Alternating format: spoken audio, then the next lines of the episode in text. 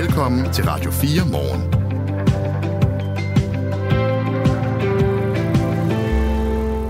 Ja, godmorgen. For lidt over en måned siden, som du også hørte i nyhederne hos Møring, rasede den værste stormflod i 119 år i dele af Danmark. Der er mange, der har fået vand ind, øh, men problemet er også på havbunden, at stormfloden har skabt en helt masse forurening, eller frigivet forurening, der var der i forvejen. Det er et problem i visse havne. Vi skal tale med en værftsejer i Rødvig Havn, som står med forurenede bygninger oven på stormfloden. Og så er våbenhvilen mellem Israel og Hamas ikke et forvarsel om fred. Tværtimod betragter Israel den igangværende fangeudveksling som et direkte resultat af deres landoffensiv i Gaza og militærpres på Hamas. Det er sådan, analysen lyder fra Kristelig Dagblads Mellemøst-korrespondent Allan Sørensen, og ham taler vi med om, når klokken den bliver halv syv. Der bliver snakket rigtig meget i mødregrupperne, som jo er altså de her samværsgrupper for nybagte mødre. Både om vejr og vind, men også om, hvordan man bedst tager sig af sit barn, altså råd om sundhed og den slags. Det er bare ikke alt sammen rigtigt. Øh, to kvinder, som er eksperter i børns udvikling, blev selv mødre og blev så i mødergruppen konfronteret med al den viden om børns udvikling, der cirkulerer i de kredse, og øh, forsøgte at øh, øh, faktatjekke den her bunke af gode råd. 20 minutter i syv evaluerer de alle de ord, der flyder gennem luften i mødergruppen. Øhm, der kan man også, hvis man er nybagt forældre, og det er der sikkert nogle af dem, der er tidligere op, det er den her mand, der, der er, så kan man få nogle råd til, hvordan man kan navigere i den jungle af oplysninger, der er derude. Og hvis du har været tidligt op her til morgen, og hvis du har allerede våget dig udenfor, så har du måske fået kolde fødder, fordi det er koldt derude. Og øh, mange steder så ligger der også sne, og det taler jeg med øh, Jonas Damsbo, øh, som er meteorolog på TV2, om lige om øh, få sekunder. Jeg taler med ham om, hvor meget sne der egentlig ligger rundt omkring, øh, og hvad det er, vi skal passe på. Klokken er blevet øh, 7 minutter over 6. Det er mandag morgen. I studiet er Kasper Harbo og Claus Andersen. Godmorgen. Godmorgen. Det her er Radio 4 morgen. Husk, at du kan sende os en sms på 1424. Og som sagt, hvis du kigger ud af vinduet, så kan der godt være, der er hvidt rundt omkring. Og hvis det ikke allerede er kommet sne, så kommer det måske i de løbet af de næste dage. For næsten alle kommer til at opleve en eller anden form for snebyer i den kommende uge. Og de første snebyer, de kom altså i weekenden, hvor der flere steder i Jylland især faldt øh, sne. Godmorgen, Jonas Damsbo. Godmorgen. Hvor i landet øh, er det, man er vågnet op til sne? Jamen altså, de, de fleste snebyer, de har ramt den, det centrale og, og, og østlige Jylland. Det er særligt de områder, hvor, hvor øh, der er faldet sne her i, i weekenden. Øh, så sent som så sent som i går aftes. Øh, så ja, det er sådan særligt de, de områder. Øh, og så kan der også ja, pletvis andre steder. Øh, det nordlige Fyn for eksempel. Øh, ja, må jeg, det er ikke, fordi det er dig, der er eksperten, Jonas, men jeg kørte altså øh, på Korsøregnen i går, øh, hvor der også øh, lå lidt hvidt hist og pist. Eller også var det lørdag. Ja, ja jamen, altså, der, der, der, har været egentlig, der har været drys flere steder, øh, men det er jo så ikke, ikke de største mængder, kan man sige, der, der ligger trods alt. Øh, men det har da givet, givet lidt hvidt øh, flere steder. Problemet er, at der, der er faldet så lidt, at, at, at de færreste af DMI's øh, nedbørsmålere egentlig har registreret et, et reelt snitdække. Øh, så det er lige lidt svært at, at danse det fulde overblik. Øh, men, men, men det er sådan noget Østjylland, øh, Midtjylland, øh, Nordfyn, stedvis på Sjælland også, øh, at der er faldet sne der. Øh. Vi laver bare overblikket sammen med dig, der hører Radio 4 morgen. Hvis du vil komme med en lille snemelding, øh, mål snedybden og send den til os i en sms i nummeret 14, eller på nummeret 1424. Vi taler med Jonas Damsbo, der er meteorolog ved TV2. Og Jonas, øh, betyder det så, altså hvis der er mange, der skal op øh, lige om lidt og på arbejde, så er det især øh, jyderne, der skal øh, være lidt opmærksom på glatte veje? Ja, jeg vil sige, det, det er egentlig det, det, øh, det meste af landet sådan set. Øh, temperaturen ligger under frysepunktet øh, mange steder, øh, og selv hvis temperaturen er lige over frysepunktet, øh, så kan vejene stadigvæk godt være glatte. Øh, fordi temperaturen ved vejbanen er lavere end i to meters højde, hvor man typisk måler temperaturen. Øh, så, så man skal være opmærksom derude. Øh, men, men jeg tænker også, at altså, de større veje, de bliver da, da saltet selvfølgelig, men, men alligevel kan det stadigvæk godt være, være glat derude. Så man skal helt sikkert være opmærksom, hvis man skal, man skal ud og, og, øh, køre i trafikken her til morgen. Søndagens højeste temperatur var de fleste steder 1-2 grader. Det er markant under, hvad man normalt kan forvente sig på denne tid af året. Det skriver altså TV2-vejret. Og i slutningen af november ligger den gennemsnitlige maksimumtemperatur på omkring 6 grader. Og Jonas Damsbo, øh, for få uger siden, så talte vi jo om øh, varmt og meget, meget vådt efterårsvejr. Hvordan kan det være, at øh, det er skiftet så hurtigt nu, at det er hvidt og koldt? Jamen, det er sådan en markant, markant kuldefrembrud, som hele Europa i virkeligheden øh, kommer til at opleve her den her uge.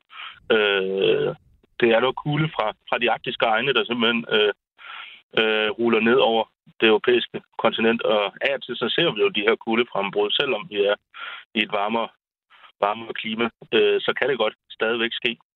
Øh, så øh, ja, det er simpelthen kulde op for de, de arktiske egne, der er ved at finde vej ned over over de fleste af europæiske lande, øh, og her i blandt Danmark.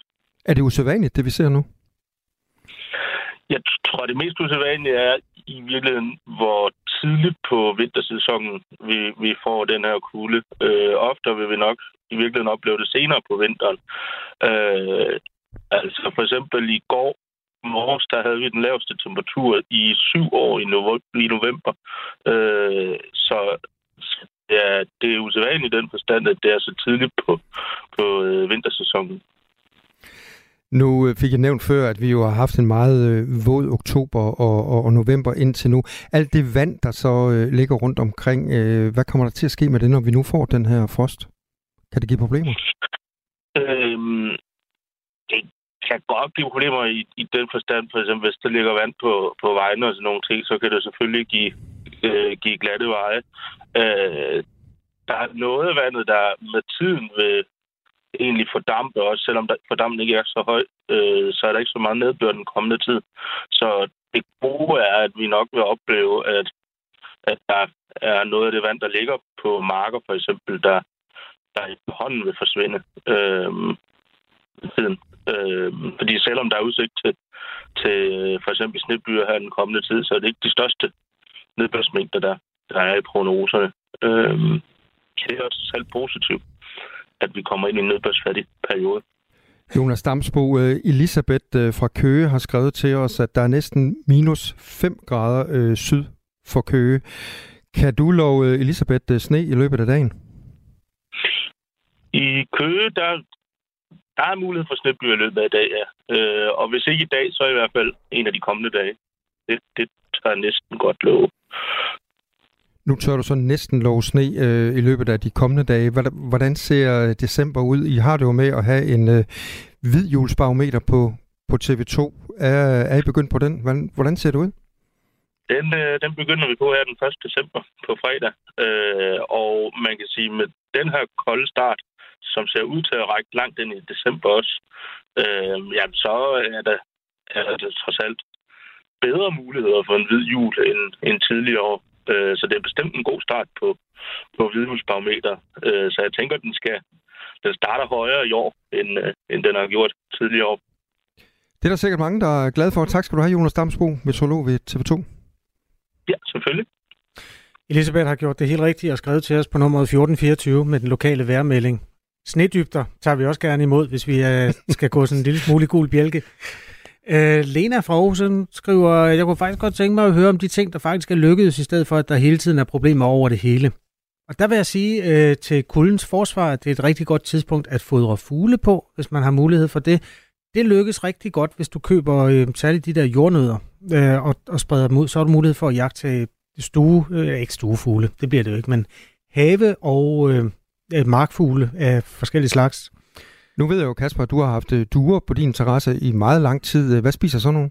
Ja, de spiser bare alt jo. Øh, duer er, er nemme at få besøg af. Ja. Det, det er alle de andre, jeg sådan fisker efter. Mm. Øhm, det var vist det, der var at sige til det. Du kan skrive til os på nummer 1424. Jeg fangede lige et par i øvrigt overskrifter, når vi nu var ved vejret, øh, på DR's øh, hjemmeside i går. Prøv at se den. Kold søndag med lidt sol ja, og sne. Og så ja, det, det er den helt fredelige, men prøv at læse den anden op. Den lyder simpelthen, den, den er sådan en gul bjælke. Massivt kuldefrembrud truer hele Europa. Her ser det ud til at blive værst. Ja, det er god clickbait, ikke? Jo. Øhm, det kommer ind på øjnene, der ser. Du kan enten se det som noget, der kommer hvert eneste år i vores land ved den her tid, eller du kan se det som noget, man kan gå i breaking over. Nu har vi i hvert fald øh, konstateret, at det er pivkoldt. Godmorgen. Godmorgen. Radio 4. Ikke så forudsigeligt. Skal vi ikke lige tage en lille oprydning i sidste uges store historie, fordi alle politikens læsere faldt jo ned af stolen over, hvor død kedelig Stefan Lose er. Stefanie Lose blev valgt som næstformand i Venstre, Mm. og øh, så bliver man jo interviewet på kryds og tværs, blandt andet af Dagbladet Politikken, som stillede en række hurtige spørgsmål til hendes kulturforbrug. Et af spørgsmålene var, hvilken bog, der ligger på hendes natbord. Og der svarede hun så kedeligt som muligt, nemlig at der ligger ikke nogen. Jeg ved ikke, om du så interviewet. Ikke engang Bibelen. Nej, ikke engang den. Øhm, hun læser nemlig kun i ferierne. Ja. Og hele internettet, der tænker jeg særligt på det sociale medie X, hvor øh, folk er ikke er nede med spydighederne, der døde de jo af grin over. Tænk, at man kan være så dødssyg. Det er den ene mulighed. Man kan jo bare øh, grine af hende, men man kan også ringe til hende. Det har vores øh, kollega Mathias Wissing gjort. Øhm, han er på Kulturmagasinet om eftermiddagen. Og så har han ringet og spurgt Stephanie Lose, hvorfor der ikke ligger en bog på netbordet. Og der er faktisk en god forklaring. Vil du høre den? Jeg må ikke sige, at nu er det jo sådan nogle meget korte, faktuelle spørgsmål, jeg er blevet stillet i politikken med enstavels svar. Øh, og sandheden er, at når jeg for eksempel ikke læser øh, til hverdag i aften, så er der jo to grunde til det. Det ene, det er, at jeg arbejder typisk indtil 2-23 stykker, og så gider man ikke, eller det gider jeg i hvert fald ikke til at læse. øh, det andet, det er, at jeg er faktisk så heldig, at jeg læser meget, meget, meget hurtigt. Og derfor har jeg sådan en rigtig træls vane øh, med, at når jeg først er begyndt på en god bog, så er jeg svært ved at lægge den frem mig igen, og så sluger det jo nattesøvn. Og, øh, og derfor så begrænser jeg min læsning til, til ferierne. Jeg ville helt sikkert læse noget mere, hvis jeg havde en masse friaftener. Mm. Øhm, det er også derfor, jeg læser rent faktisk en del i ferierne. Så har vi en, øhm, en, en sådan en ambition hjemme ved os i vores familie, netop fordi dagligdagen kan være så travl om, at vi gerne øh, i weekenderne jævnligt vil se, om vi kan komme ud og opleve et eller andet sammen. Og derfor så, øh, hvis man nu i stedet for havde spurgt mig til min øh, museumsbesøg for eksempel, Hmm. så kunne man have fået en lang liste. Vi er nok ret store forbrugere af museer hjemme ved os, øh, og, og kan godt lide at udforske også vores eget område, men også hvis vi er andre steder henne, udforske de bedste museer. Ja, de bedste museer, skulle hun have sagt. Øhm, og det er sådan set en form for dementi af, at hun er et fuldstændig ukulturelt menneske. Og jeg synes heller ikke, hun lyder kedelig. Jeg synes, det er lige lovligt offensivt af politikken, når det læser og dømme hende som, som kedelig. Ah, men der må man måske sige, at øh, det også har handlet om hendes øh, sådan generelle... Fremtoning. Ja, det tror jeg måske. Mm. Men det kan man jo arbejde med, den slags. Egentlig lyder hun jo meget sjov. Øhm, kulturmæssigt, så fik hun også sagt til politikken, at hun ikke kunne huske, hvornår hun sidst havde været i teateret. Det var noget af det, der var med til, at dommen blev fældet som, at hun var et meget ukulturelt menneske. Men så er det åbenbart heller ikke værre. Hvilken bog ligger på dit øh, natbord? Der ligger ikke nogen. Jeg har ikke noget natbord. Du har ikke noget. okay. Radio 4. Ikke så forudsigeligt. For lidt over en måned siden rasede den værste stormflod i 119 år i dele af Danmark. Udover at mange jo har døjet med store vandmængder i huse og sommerhuse, så øh, har stormfloden også skabt masser af skader, som er øh, faktisk en uh, mere alvorlig karakter på den uh, miljømæssige side, fordi stormfloden har skabt forurening i visse havområder, og det har altså også bredt sig til land i nogle tilfælde. En af dem, der har oplevet forurening som følge af stormfloden, er Jens Rolighed, der driver et skibsværft ved Rødvig Havn ved Stævns Klint. Så er vi altså på Sydsjælland. Godmorgen, Jens Rolighed. Godmorgen. Hvordan har stormfloden forurenet øh, de områder hos dig? Øh, jamen hos os, der havde vi jo øh, øh, så meget vand i bygningerne, som jeg aldrig har set før. Altså vi var oppe øh, på en halv meter øh, i de, de haller, der ligger lavest. Øh, og i og med, at øh, stormen violede havbunden op, eller havnebunden op, øh, og bedingsanlæggets øh, øh, bund derude, så, så har det virvlet det her havnesediment op i vandet, og øh, da vandet så trak sig tilbage, så ligger det her havnesediment inde i mine bygninger over det hele. Hvad er havnesediment? Havnesediment øh, kan du også øh, kalde havneslam. Altså det er simpelthen bundslam, der er aflejret nede på bunden af havnen igennem øh, mange, mange år. Øh, øh, jeg er ude på bødingsanlægget igennem mange år, hvor hvad hedder det, øh, ja, der kan være tungmetaller i og, og alverdens stags.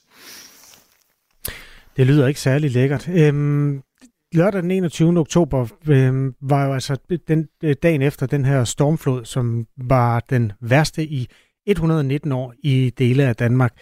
Den øh, førte til oversvømmelser særligt mod de, ved de sydvendte kyster, altså på Fyn, ved øerne og det sydlige Jylland, og også hos Jens Rolighed, der driver et skibsværft ved Rødvig Havn øh, ved Stævns Klint. Hvis du kigger på øh, værftet nu, hvordan ser det så ud, Jens? Jamen, det er... Øh, det, vi står helt stille. Altså, det er gået helt i stå, fordi vi har jo fået at vide, at vi må ikke arbejde øh, inde i bygningerne, øh, fordi der er risiko for, at øh, der er TBT i det her øh, havnesediment. Vi, er, vi går og venter på nogle prøver fra Dansk Miljørådgivning, og det vil sige, at der ikke der er ikke påbegyndt nogen øh, skadesbegrænsning i bygningerne. Det vil sige, at skimmelsvampen den spreder sig. Øh, det kan man også begynde at lugte rundt omkring. Så, så det, er, det er en kæmpe katastrofe, det her. Det lyder meget ulækkert. Hvad, hvad er det nu, TPT? Det, det er sådan en kemikalie. Er det, er det fra bundmalingen, eller hvor ja, kommer det fra? Ja, lige præcis. TPT og, og PHA og sådan nogle øh, ting bliver der testet for. Øh, det er noget, der var i bundmaling i gamle dage. Øh, og det er sådan et hormonfremkaldende stof, øh, som, ja, det, det, er noget, det er noget stas, og det skal vi altså ikke have ind i kroppen. Øhm, og øh, så derfor så, så vores forsikringsselskab, øh, Almindelig Brand, deres taxator har simpelthen sagt, jamen øh, vi kommer ikke ud, før at der er øh, styr på, hvad der er i det her stas her. Så, så vi er fuldstændig låst, låst fast, fordi vi kan ikke få genhusning af forsikringen eller stormrådet. Øh, så vi, vi, vi har sådan set øh, barrikaderet os op på første salen, hvor der jo ikke har været noget vand, øh, og har lavet en midlertidig frokoststue i nogle præsendinger, og det er, det, det er helt til hest, det her. Det, det er jo ikke første gang, at der er, er blæst og storm og så videre. Altså, har du et bud på, hvorfor man aldrig har set den type forureningsproblemer nede hos jer før? Øh, ja, det kan jeg godt sige dig, fordi der har aldrig været det før. Altså, det har Øh, nu har vi snakket med, med, med mange forskellige, med Miljøstyrelsen og de her, øh, ja, Dansk Miljørådgivning, og hvad de ellers hedder, de her øh, øh firmaer, der, der tager test og sådan noget. Og de siger, at det, det, det er ikke noget, vi har oplevet før. Altså det, det er simpelthen første gang, det er sket, at det er kommet ind i bygninger, det her. Øh, der er nogle regler for, hvordan det bliver øh, håndteret, når det er øh, i vandet. Øh, der er nogle grænseværdier, der skal overholdes. Du ved det her med, at, at, hvornår det kan blive klappet, for eksempel. Øh, nu har vi jo fået lavet nogle test, nogle forløbige test for tungmetaller, som siger, at øh, jamen det, det vi har, øh, den test vi har taget, som vi har taget inde på vores øh, lille toilet inde midt i bygningen, den er, den, den er simpelthen for giftig til at blive klappet. Hvad betyder det helt præcist at klappe? Ja, klappe, det betyder det her med, altså ligesom øh, det, man har hørt så meget om inden fra Lynetteholm, at øh, der bliver gravet øh, slam op øh, i nogle store pramme, og så bliver det sejlet ud, øh, i det her, i Lynetteholms tilfælde, ud med i Køge Bugt, og så bliver det dumpet derude. Øh, og så, ja, i går så forsvinder slammet jo, så øh, ligger det sig på powerbunden, og så bliver det fordelt med, med strømmen, ikke? Øhm, og det, det, det, vi har liggende hernede, øh, det, er, det er for giftigt til at ville kunne blive klappet, som det hedder. Så, så det, skal, det skal på deponi. Øhm, og jeg har også fået at vide fra Stormrådet, at, øh, at der er ikke dækning for forurening. Øh, så lige umiddelbart, så er det, så er det undertegnet, der hænger på, på regningen. Jeg taler med Jens Rolighed, der er værftsejer i Rødvig Havn, og som altså øh, slås med miljømæssige øh, efterdønninger af stormen, som øh, betyder måske, at ja, en forureningskatastrofe er, er sket inden døre. Hvad er den videre proces for dig i forhold til at både sikre dit værft og, og ikke at blive syg af at gå rundt i det møg der? Ja, men det er, det er jo at vente. Øh, vi ventede i tre uger på, at taxator kom øh, første gang, og lige så snart han konstaterede, at der lugtede ind i bygningerne, så sagde han, at han ville gerne ud igen. Øh, og, og så, har vi ikke, øh, så har vi ikke set dem siden. Øh, og så, så, så venter vi sådan set på de her øh, dansk miljørådgivning, som har taget nogle tests øh, for TPT. Det var, det var der ikke testet for de første gange, øh, der blev testet. Og så, øh, så, så skal der laves en, en, øh, en handlingsplan for det her øh, rådgivningsfirma i forhold til, hvordan det skal behandles. Og indtil da kan jeg kun vente. Held og lykke, Jens Rolighed. Ja, tusind tak skal du have. Og tak fordi du var med her øh, på morgenkvisten. Øh, altså værftejer i Rødvig Havn ved Stævns på Sjælland, som øh, slås med nogle meget ubehagelige efterdønninger af stormen. Klokken er 5 minutter i halv syv. Man har en død mand i badekar på et hotelværelse. Krimiland genåbner sagen om et mystisk dødsfald i toppen af tysk politik. Der er ikke nogen som helst sådan umiddelbare synlige indikationer i retning af, om han er blevet myrdet, eller om han er begået selvmord. Genstand for genstand gennemgår Christoffer Lind og Anders Oris hotelværelset for spor. Livet er påklædt. Barsel, han har skjorte og slips på. Hvis vi begynder med at fokusere på badekar og på livet, så har han ikke sine sko på. Han har ikke nogen sko på. Lyt til Krimiland om Uwe Barschel i Radio 4's app, eller der, hvor du lytter til podcast. Radio 4. Det her, det, øh, det vil blive et mysterium. Ikke så forudsigeligt. Vi kan jo lige tale lidt om øh, kongehuset. Kongehuset, det noget tyder på, at de har travlt i de her dage med at ligesom tegne et billede af, at øh, alt er lutter idyl øh, inden for dørene. Og det er måske fordi, der har været lidt ballade omkring øh, kronprinsen Ja, de seneste dage. der det er noget med, at han har, ja, han har været i Madrid, og så har han været lidt for tæt på en øh, tidligere model. Det er billeder, som viser, ifølge det spanske medie Lecturas, at øh, han har brugt en dag, og måske også en nat, i selskab med øh, Genovea Casanova, hedder hun, tidligere model i Spanien. Og ifølge det her medie, så skulle kronprins Frederik også have overnattet i hendes øh, lejlighed. Men det er egentlig ikke det, der er historien. Historien er nu, at øh, kongefamilien er ude med en øh, positiv, dejlig julehistorie om, at øh, hele familien stort set er samlet på Marcelsborg i Aarhus i år. Det kan jo godt være rigtigt. Det er rigtigt. Jeg tænker, det er også et, øh, en måde at fortælle en positiv historie om kongefamilien, at øh, de holder sammen, også i, øh, også i stormvejr. Det er som sagt på Marcelsborg Slot, de skal fejre jul, og dronning Margrethe hun fejrer den sammen med hele kronprinsfamilien. Og så kommer prins Joachim og prinsesse Marie og deres børn også. Nå ja, det er da meget godt. Der har Mm. også været et eller andet med nogle titler og sådan noget. Det er jo det, julen kan, ikke? Ja. Nogle gange. samle familien. Og så, øh, så læste jeg også et eller andet sted, at øh, så er det jo også lidt en, øh, en begivenhed for husianerne. De kan komme og se øh, vagtskifte Mm. nede foran Marcelsborg. Det er måske sådan en, en lille, lille juleting, man kan gøre i, øh, i ferien. Den luksus har man jo i øh, København nærmest øh, dagligt. Ja. Så ja, godt. To minutter i halv syv er klokken. Ja. Og der er, skal vi lige lave fintællingen, 27 dage til juleaften. Det her er Radio 4 morgen.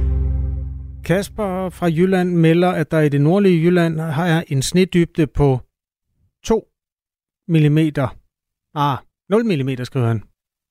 Inde er der 2 mm på en glasplade. Så han har lavet sådan et nisselandskab. Det er perfekt. Øh, Nå ja, selvfølgelig. Ja, absolut. Ja, øh, Jens han melder, øh, at længere sydpå, det er ved Hørning ved Aarhus, der er der er snevejr. Og så er der meldingen fra Elisabeth, at der ikke sner, men til gengæld er der 5 minusgrader ved Køge. Det er en pivhamrende kold morgen, øh, du er stået op til i dag, og den er i øvrigt også rigtig mørk. Det bliver ikke meget mørkere, end øh, det er i de her dage. Der er 11 minutter tilbage at øh, skrue ned for lyset med, inden vi når frem til den mørke, det mørkeste døgn, der er lige før jul. Og så begynder man at skrue op igen. Radio 4 Morgen kommer øh, i dag, eller på den anden side af nyhederne, nærmere øh, våbenvisen, våbenhvilen i Gaza, øh, som jo er øh, i, altså, i forbindelse med udveksling af gisler og fanger, øh, har man øh, lagt våbnene, men det er ikke et øh, forvarsel om fred. Kamphandlingerne kommer helt sikkert til at blive genoptaget. Det er en vurdering, som Allan Sørensen er klar med her i Radio 4 morgen efter nyhederne. Altså mere krig på de kanter.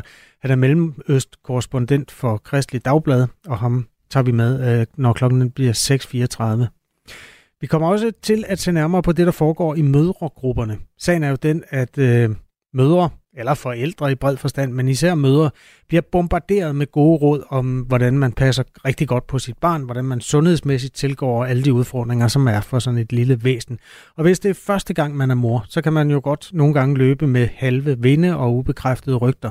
To eksperter i øhm, børns udvikling, de hedder Toril og Trine, de blev også mødre, og de blev chokeret over, hvor meget amstuesnak der også øh, er at hente i de kredse der. Hun har, de har faktisk, faktisk fakta-tjekket noget af al den her snak. Vi skal tale med dem om et kvarter. Nu er klokken halv syv. Nu er der nyheder på Radio 4. En historisk bred finanslovsaftale for næste år er faldet på plads. Alle partier på nær enhedslisten er med i aftalen, siger finansminister Nikolaj Vammen til TV2. Det her er en meget ansvarlig finanslov, så det er ikke en, der kommer til at puste inflationen. Klokken 10.30 bliver finansloven præsenteret i Finansministeriet, oplyser ministeriet. Den stormflod, som ramte Danmark for en måned siden, giver nu problemer for miljøet i flere havne. Stormfloden ruskede op i havbunden, som har frigivet forurening, der ellers lå i dvale på bunden. Det siger professor i marin økologi ved Institut for Ecoscience ved Aarhus Universitet, Jakob Carstensen til Radio 4. Problemet er, at når stormene de kommer, så omfordeler de jo de her forurenende stoffer. Normalt så har vi de forurenende stoffer koncentreret i havnene, men når stormene nu kommer ind og bærer, kan man sige, løfter alle de her forurenende stoffer, stoffer op fra sedimenterne, så bliver de så spredt ud over et større område. Det er forskelligt fra havn til havn, hvilke stoffer, der ligger på havbunden, og dermed også hvor giftigt det er. Men uanset hvad, så er de problematiske for miljøet, siger professoren. Nogle stoffer har en, en stor effekt. Nogle stoffer påvirker øh, forplantningsevnen hos mange af vores havdyr, og nogle af dem har en direkte, øh, kan man sige, skadelig virkning, altså direkte dræbende i høje koncentrationer. En af de havne, som stormfloden i oktober ramte særlig hårdt, var Rødvig Havn på Sydsjælland. Her ejer Jens Rolighed et skibsværft, og under stormfloden kom havnens bundslam op i hans bygninger. Havnesedimentet er fyldt med tungmetaller, og derudover så er der, er der stor risiko for, at der kan være TBT og nogle andre hormonforstyrrende stoffer i, fordi det brugte man i bundmalingen i gamle dage på erhvervshavne og fiskerihavne. Og den havn, vi ligger på, er jo Rødvig Fiskerihavn, hvor der selvfølgelig også er blevet brugt de her giftige bundmalinger i gennem tiden. Det sediment, som ligger på gulve og vægge på Jens Roligheds værft, er så giftigt, at han ikke må arbejde i bygningen. Man skal ikke få det ind i kroppen af, hvad vi får at vide. Fordi det er så giftigt, og derfor kan vi ikke arbejde derinde. Vi kan ikke øh, udføre vores øh, opgaver på bådene, og vi kan ikke påbegynde den her oprydningsproces og nedrivning af vægge og gulve og det her, alt det her, som har været oversvømmet. Den militante palæstinensiske Hamas-bevægelse ønsker våbenhvilen med Israel forlænget, når de fire dage, der er aftalt, udløber. Det meddeler gruppen ifølge Reuters, men det er knyttet til visse betingelser. Thomas Sand fortæller. Hamas meddeler, at forudsætning er en seriøs indsats for at få flere palæstinensiske fanger løsladt fra israelske fængsler, skriver avisen Times of Israel. Israels premierminister Benjamin Netanyahu har orienteret USA's præsident Joe Biden om, at han er åben over for at forlænge våbenhvilen. Det kan ske på den betingelse, at Hamas løslader 10 gisler om dagen. Men når våbenhvilen er slut, vil Israel genoptage sine militære operationer i Gazastriben for fuld styrke, siger Netanyahu efter en telefon telefonsamtale med Biden. Den amerikanske præsident har udtrykt håb om, at våbenhvilen kan forlænges, så vi kan få frigivet flere gisler og få mere humanitær hjælp ind til de nødlidende i Gaza, siger han ifølge nyhedsbruget DPA. Den våbenhvileaftale, der nu har i kraft mellem Israel og Hamas, udløber i morgen tidligt. Der er mulighed for en forlængelse til op mod 10 dage i alt. Betingelsen i aftalen er, at Hamas skal frigive mindst 10 gisler om dagen, skriver Times of Israel. Hvis aftalen skal forlænges ud over de 10 dage, vil det kræve en afstemning i den israelske regering. Skyde med byer, men også lidt sol mellem 1 grads frost og 4 grads varme. Vinden bliver svag til frisk mellem nord og øst. Det her er Radio 4 morgen. Husk, at du kan sende os en sms på 1424. Våbenhvilen i Gaza mellem Israel og Hamas er ikke et forvarsel om fred. Tværtimod betragter Israel øh, den udveksling af gisler og fanger, som er i gang lige nu, som et direkte resultat af deres landoffensiv i Gaza og militærpres på Hamas. Så kamphandlingerne kommer helt sikkert til at blive genoptaget. Sådan lyder vurderingen fra dig, Allan Sørensen, der er mellemøstkorrespondent for Kristi Dagblad. Godmorgen. Godmorgen. Hvorfor vurderer du, øh, at øh, krigen i Gaza kommer til at fortsætte? Øh, fordi jeg hørte fra israelerne, øh, både fra det israelske militær, de israelske politikere og øh, den islænge samt øh, israelske analytikere, de siger alle sammen, øh, de siger alle sammen det samme. Øh, man er ikke færdig med at bekæmpe Hamas inde i Gaza. Og i og med, at den her øh, altså fangeudveksling eller øh, gisselløsladelsen, den har fået højere og højere prioritet, så har man så accepteret at, at indstille kampene. Men det er ikke et udtryk for, at, at Israel øh, mener, at man er færdig med at, at bekæmpe Hamas. Så når den her våbenhvile den er slut, det, det er rigtigt forstået, det er i morgen, ikke? Det er sådan set i aften, altså når de sidste gisler kommer ud i aften, så ja. er øh, våbenhvilen øh, overstået. Hvad kommer der så til at ske helt præcis, øh, vurderer du? Jeg tror, at øh, det, det, det er også det, man hører fra de forskellige parter, også fra Hamas, øh, også dem, der maler, altså Katar og, og Ægypten. De taler alle sammen om, om mindst to dages øh, forlængelse, og måske endda helt opforlængelse, hvor Hamas vil frigive dagligt øh, 10 gisler, og så vil Israel løslade øh, øh, 30. Altså hvis de får 10, så løslader de 30 øh, øh palæstinenser fra de israelske fængsler. Det tror jeg godt kan komme til at ske hen over de næste to længere, den her våbenbil. Men den samme øh, sky, den samme landoffensiv, øh, truslen om en fortsættelse af landoffensiven, den vil vare ved. Du faldt lige øh, ud et øh, kort øjeblik, øh, Allan Sørensen, da du var ved at fortælle om det her. Så hvis vi lige skal være helt præcise, din vurdering går på, at øh, i aften egentlig, når øh, våbenhvilen den er slut, så kan den godt øh, blive forlænget et par dage. Var det det, du sagde?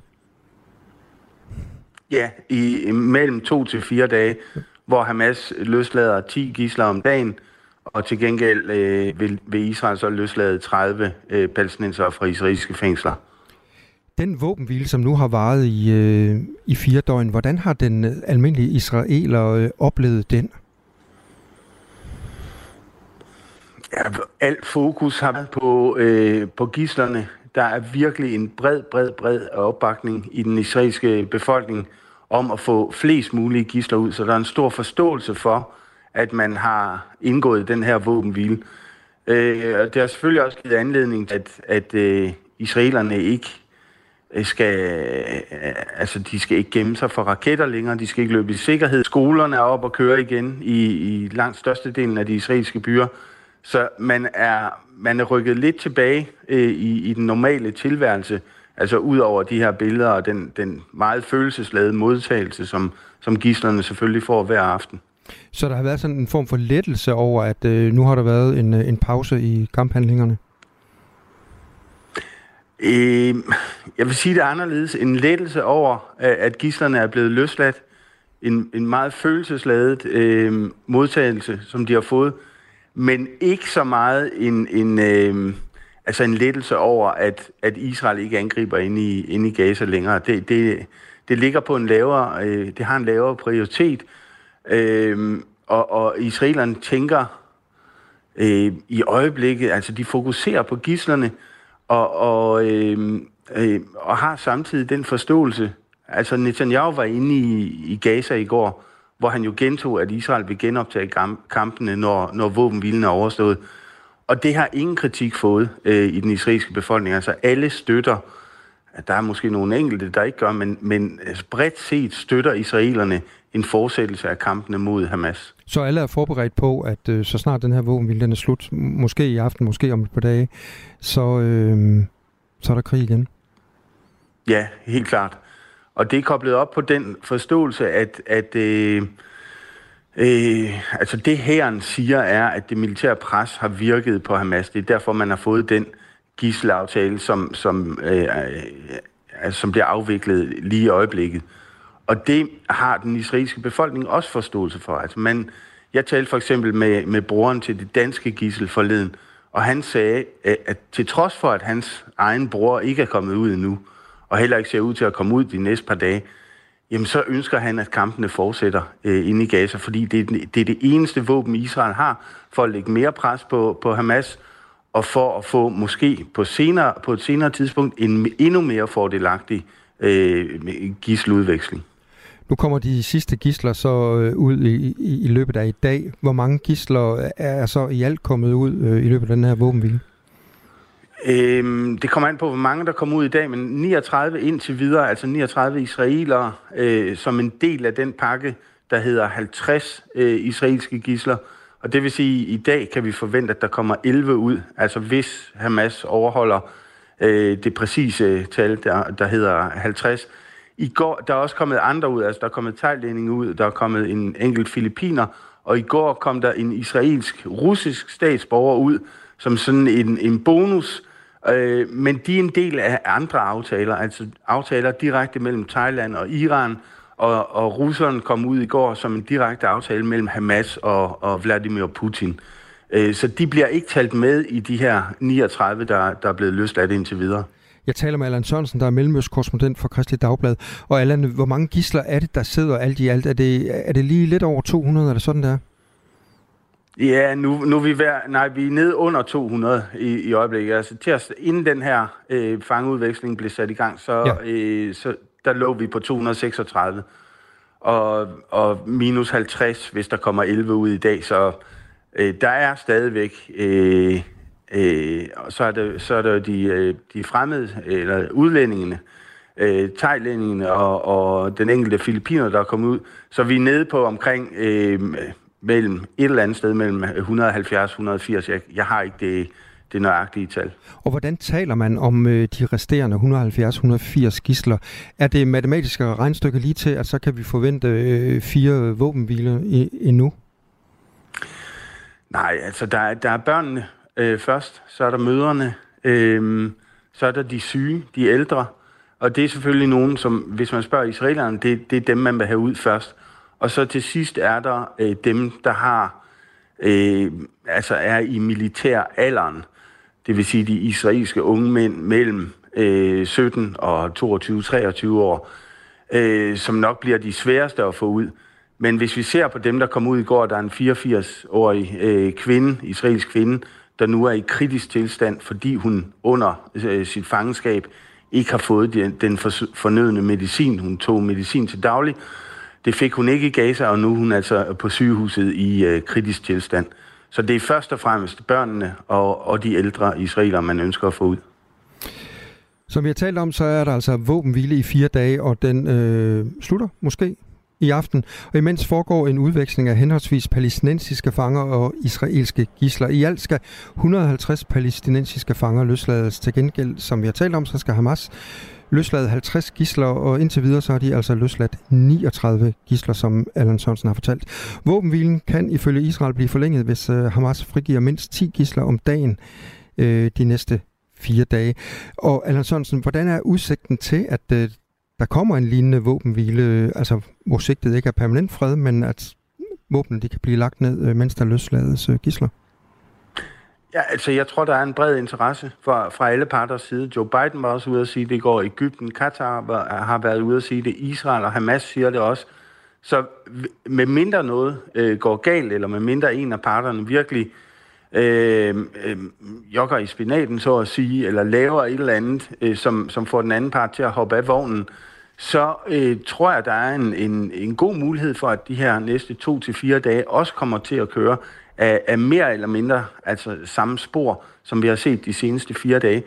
Den, store, den største udfordring er måske, at, at Hamas øh, finder, som, som de selv siger, altså finder resten af gislerne, fordi de sidder åbenbart ikke øh, det samme sted. I går så vi, at øh, gislerne blev over, overleveret til Røde Kors i Gaza by, hvorimod de tidligere, altså de to tidligere dage, blev de overleveret fra Hamas til Røde Kors i, i den sydlige by Khan Yunis. Så, og det, det antyder så altså, at, at gislerne sidder rundt omkring i Gaza, altså ikke det samme sted. Nu brugte du formuleringen, øh, vognen hopper af sporet. Altså, hvad, hvad er det, der i værste fald kan ske øh, i forhold til, at øh, det her det går galt igen? Altså de scenarier, jeg ser for mig, er, hvis, hvis israelske soldater, øh, dem der opholder sig inde i Gaza, en, på en eller anden måde kommer, øh, bliver truet eller føler sig truet, og så svarer igen med, med ildkampe. Øh, det kan ødelægge de her næste dages øh, våbenhvile. Eller modsat, hvis Hamas øh, på kynisk vis en af dagene, øh, i stedet for at løslade 10, jamen så kommer de, så kommer de gående med tre gisler og overleverer dem til, øh, til Røde Kors det vil ikke være nok øh, set med israelske øjne, og det vil, være, det vil blive opfattet som brud. Ligesom israelske angreb også vil blive op, opfattet som brud. Sådan lød det altså fra Allan Sørensen, Mellemøst-korrespondent for Kristelig Dagblad. Tak skal du have, Allan, fordi du var med her til morgen. Det var så lidt. Du lytter til Radio 4. Det er øh, mandag den 27. november. Vi kan måske lige nævne, at finansloven er faldet på plads, og det er nemmere at sige, hvem der ikke er med i den her aftale. Det er enhedslisten ikke. Som det eneste parti? Ja, alle de andre er. Der er et såkaldt doorstep. Det er et pressemøde, som bliver holdt på et dørtrin det er sådan noget, man gør, når man er politiker, og man gerne vil signalere til pressen, at de må, I kan da godt stille spørgsmål eller to, men jeg kan lynhurtigt gå ind ad den her dør, hvis I spørger om det forkerte. Øh, det er kl. 10.30, og det foregår i Finansministeriet. Der er mange mennesker med. Øh, Nikolaj Vammen deltager, og Sofie Løde, som er, altså Vammen er jo finansminister.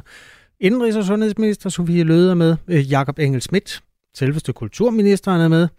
Og så kommer der også nogle af de partier, der er med i aftalen. Ja, der er vel en kødrand øh, af folk fra de andre partier, altså så lige bortset fra enhedslisten, kan jeg forstå. Ja, ja. det skal jeg sige dem alle sammen. Nej, det behøver du ikke.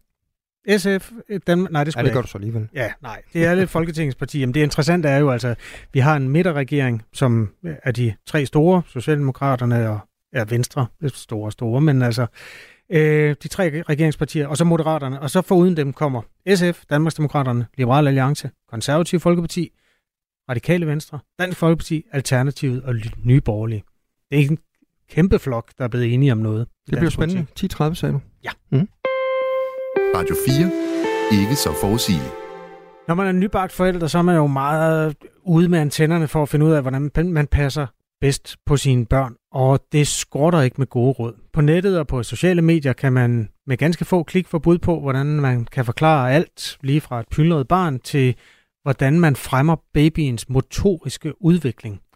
Alligevel kom det som noget af en overraskelse for to eksperter i børns udvikling, hvad de hørte af viden i deres mødergruppe, da de selv fik børn. I mødergruppen blev der brugt begreber, som de to børneeksperter slet ikke kendte som eksperter betragtede, og det gjorde dem nysgerrige efter, hvad der egentlig foregår. Derfor har de brugt deres faglighed til at undersøge ammestuesnakken, hvis jeg må sige det på den måde. Øh, godmorgen, Toril Svejstrup Jensen. Godmorgen. Og øhm, Trine Sonne. Godmorgen. I har nogle lange titler, som jeg siger også. Øh, Toril er adjunkt, Ph.D., kan psyk og ekspert i børns psykologiske udvikling ved VIA University College. Trine Sonne er kant psyk. Er det det, man bare kalder psykolog egentlig? Ja. Yeah. Ja, må jeg gøre det? Det må du gerne. og øh, Ph.D. og seniorforsker, og også ekspert i den psykologiske udvikling hos børnene på Aarhus Universitet. Der er en øh, hjemmeside og en Instagram-profil, der hedder Viden om Børn, hvor I skaber øh, ikke skaber viden, men samler viden i hvert fald og formidler. Lad os begynde med dig, Toril. Hvad var det for en viden, du stødte på i din mødregruppe, som du ikke havde hørt, før, hørt om før? Der var særligt et begreb. Det var det her begreb om tierspring. Det havde jeg aldrig nogensinde inden for forskningsverdenen hørt om. Tierspring? Ja. Hvad er det? Det er en måde at betegne børns udvikling på. Og en måde, hvor man kan forudsige børns udvikling på. Hvor børn går igennem nogle spring i løbet af deres første leveår. Er det noget, der findes, eller er det noget, som nogen har opfundet? Det er nogen, der har undersøgt det. De har undersøgt nogle øh, øh, mor-barn-par, hvor at, øh, at de mener at, at, øh, at have fundet, at, øh, at forældrene de var nogenlunde enige om, at børnene gik igennem nogle spring på nogle specifikke tidspunkter. Er, men er det, er det rigtigt, eller er det forkert? Vi kan ikke rigtig sige, om det er rigtigt eller forkert, men når man sådan dykker ned i sådan datagrundlaget, så oprindeligt så bygger det på øh, undersøgelser af 15 mor-barn-par. Ja, det er jo ikke så mange. Nej. er der andre eksempler? Så er, er, er, hvad jeg har øh, stiftet bekendtskab med. I, er, er jeg har stiftet bekendtskab ja, ja, ja. I det hele taget øh, rigtig mange holdninger øh, til, hvad det er, der former og driver børns udvikling. Alt inden for motorik, øh, sprog, leg og hukommelse. Ja, alle mulige aspekter har jeg mødt rigtig mange forskellige holdninger til. Øhm, nogle af de ting, I stiftede bekendtskab, det var altså, at det kan være potentielt skadeligt for børn, hvis man vækker dem med deres middagslur. Det er øhm, et postulat, I har undersøgt. Er, er det farligt at vække sine børn? Øh, jeg ved ikke, hvem der vil svare på det. Altså, øhm, det har vi i hvert fald ikke kunne finde reelt svar på. Det har været vanskeligt sådan at, at finde svar i, i forskningen om det her udsagn, at det skulle være skadeligt at vække børnene. Så vi har ligesom måttet øh, tage nogle forskellige omveje for at blive klogere på det. Øh, og der er jo ingen tvivl om, at søvn er vigtig for små børn. Øh, nattesøvn er rigtig vigtig, og det samme er middagslurene også. Mm. Øh, men vi har simpelthen ikke kunne finde, øh, hvad kan man sige, evidens for, at, at det her med at vække dem fra middagsluren skulle være skadeligt. Øh, vi, vi kan finde evidens for, at middagsluren kan være med til at fremme noget, øh, fremme kognitiv øh, præstation. Men gør det noget, Trine Sonne, at øh, der er forskellige holdninger til, altså om man kan øh, vække sine børn midt under en øh, middagslur. Hvad er det, der gør, at I dykker ned i det og synes, at, øh, at det er interessant? Altså først og fremmest, så var der jo en stor personlig interesse, da vi selv blev forældre, øh, i at finde ud af alle de her udsagn, vi, vi stødte på, som vi ikke havde, havde mødt på universitetet øh, og, og læst om tidligere. Så vi var, vi var nysgerrige på det her. Øh, men men vi, øh, vi, vi synes også, at, at der var sådan en en, en overraskende stor kløft imellem, øh, hvad kan man sige, øh, universitetsviden og, og, og det vi så mødte ude i, i, i samfundet. Og øh, det vi egentlig gerne vil, det er at nå frem til, hvorfor, øh, hvorfor folk siger de her forskellige ting, og, og give den enkelte sådan lidt bedre Øh, Øh, hvad kan man sige, klæde den bedre, enkelte bedre på til at vurdere, hvor kommer de her forskellige holdninger og synsninger, og øh, noget af det er jo evidensbaseret, og andet er så ikke, men, men det er svært for den enkelte at vurdere kvaliteten af de forskellige udsagn. Jeg har to kvinder, som også er mødre, og som i øvrigt også er forskere og psykologer, nemlig Trine Sonne og Toril øh, Svejstrup Jensen. Jeg får lyst til at spørge, når I nu har prøvet det med jeres egen krop, hvad er det for en position, man er i, eller hvad er det for en tilstand, man er i som mor, når man har fået det der kæmpe ansvar første gang at skulle passe på et lille barn? Altså man suger, man tager vel også alt, hvad der flyder af, af, af gode råd omkring en, ikke? Helt sikkert. Man står jo på usikker grund. Øh, det er jo helt ukendt land og man er i en enormt sårbar position. Og det stiftede vi også selv bekendtskab med. På trods af, at vi vidste en ting eller to omkring børns udvikling, var vi jo begge to på stor usikker grund. Så, øh, så man er jo også meget modtagelig for al den information, der flyder omkring øh, børns udvikling og alle de her holdninger. Så øh, vi savnede selv som forældre, et, et, et, dengang vi var nybagte forældre i sin tid, sådan et lidt mere sådan nuanceret øh, tilgang øh, til, til børns udvikling. Der findes et meget nedladende gammelt ord, der hedder ammestuesnak. Og det er jo sådan et det dækker over, at når kvinderne sad der og ammede, så lå de bare munden løbe, og, og så var der ingen øh, underbygning. Er der noget om snakken? Så kigger I på hinanden. Jamen, det er svært med sådan et begreb som ammestuesnak. Jeg, jeg synes jo, det giver rigtig god mening, og, og, og at vi deler øh, viden med hinanden, og øh, i mødergrupperne er det rigtig, rigtig fint at kunne spare med nogen, der sidder i, i samme situation. Øh, så om vi skal kalde det ammestuesnak, det ved jeg ikke, det bliver nu tit brugt sådan lidt nedladende. Ja, meget. Øh, så, øh, så, så det er måske ikke så, så rart at få det øh, begreb sat på, men, men, men jeg synes, der er noget fornuftigt i, at vi, vi deler viden med hinanden, øh, og så kan vi jo så altid gå ind og, og stille spørgsmålet bagefter, hvor kommer den viden så fra? Og det er det, vi egentlig gerne vil fremme med vores, øh, vores forskning eller bog. For det man også skal sige, med, når det kommer til børns udvikling, hvor der er så mange meninger og holdninger til, så er det jo også en stor industri. Så der er jo også nogen, der lidt kører på den her usikkerhed. Og det er også der, vi gerne vil altså være med til at nuancere debatten lidt. Hvad er det egentlig, vi ved fra et videnskabeligt perspektiv omkring børns udvikling? Og hvordan navigerer I selv i det univers? Altså nu, I er psykologer, I er eksperter, I har skrevet en bog, og når I så hører den her øh, snak og synsninger, som det var et udtryk, du brugte før, øh, Trine, meget godt udtryk. Altså når, når I hører de her synsninger, hvordan navigerer I så i, i det univers i forhold til den viden, øh, I har? Altså, øh, det vi jo prøver på, det er sådan set at servere, hvad er det, vi ved videnskabeligt. En ting er, at vi prøver at vide, vise, hvad er det, vi ved videnskabeligt, men vi prøver også at vise, hvad, hvad kan vi egentlig bruge øh, forskning til, og hvordan skal man egentlig forholde sig til det. Øh, ja. Børns udvikling er jo yderst kompleks, så det kan være rigtig, rigtig svært at komme med de her entydige svar, som rigtig, mm. rigtig mange efterspørger i dag. Øhm, så forhåbentlig, så, øh, så, så kan vi lykkes med at formidle lidt om alle de her nuancer, øh, der er ved øh, alle mulige aspekter ved børns udvikling. Vi, vi fokuserer jo så på børns psykologiske udvikling, og især den kognitive udvikling. Og det er så svært at give entydige svar på, øh, på alle de her forskellige temaer, som mange, mange, mange mennesker er interesseret i. Vi taler med Toril Svejstrup Jensen og Trine Sønne, som begge er mødre og forskere og psykologer, og ser nærmere på de gode råd, der flyder i øhm, et stort tal hos de nybagte forældre. Der er et af de mennesker, der hører Radio 4 morgen, der har skrevet, begrebet tierspring får mange forældre fra deres sundhedsplejersker. Og det med reference til tierspring-teorien, som ja, er nogle forklaringer på, hvorfor børn i perioder er særlig pyldrede, og I beskrev så, at det var et stykke forskning, der baserer sig på 15 familier, altså meget mindre, end man normalt forbinder med lødig forskning.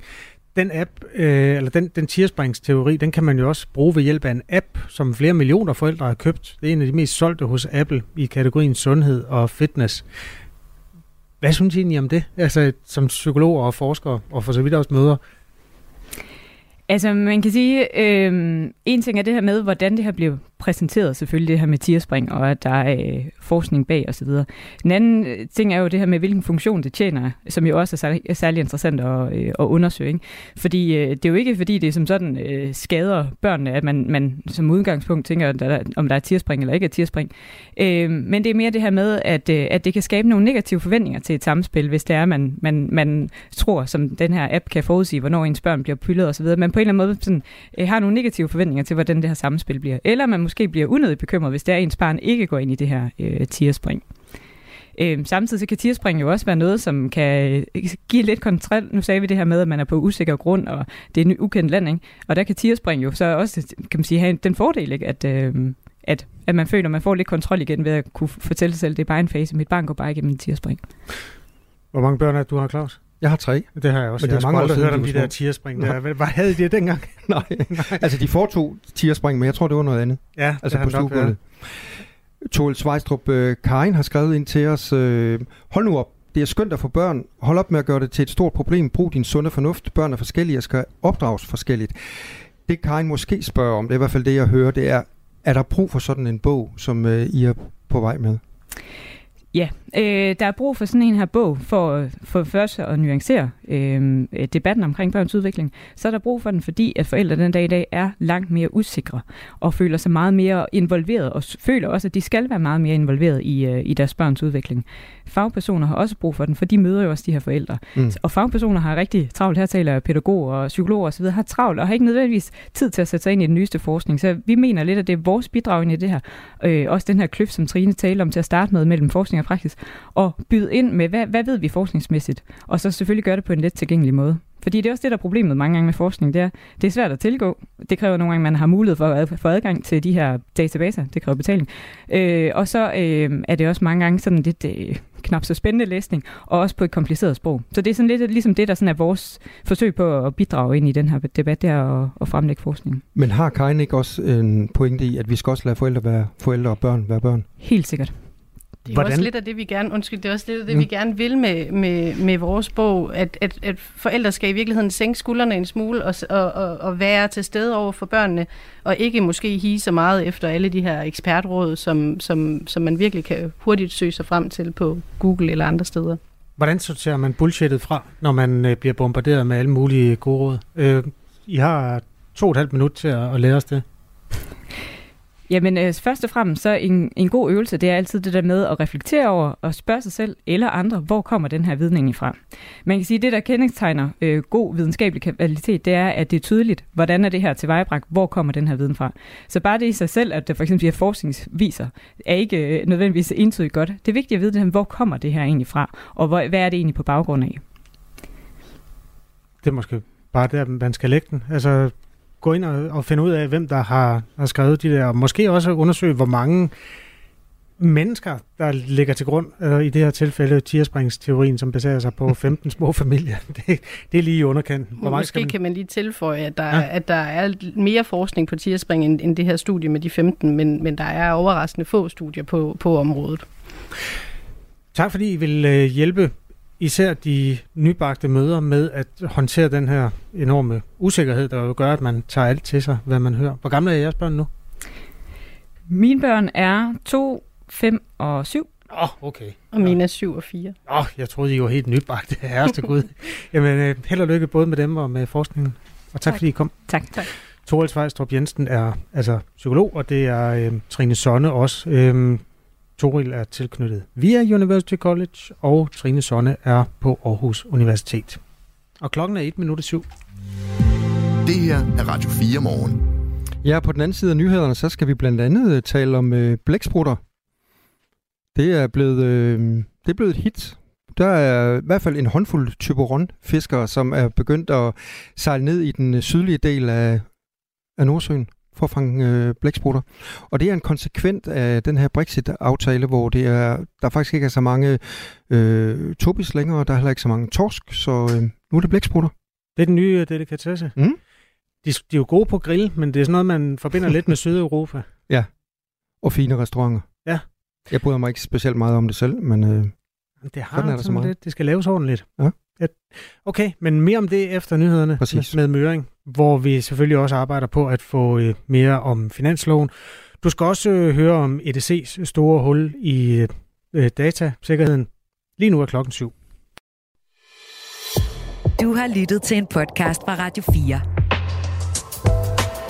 Find flere episoder i vores app, eller der, hvor du lytter til podcast. Radio 4. Ikke så forudsigeligt.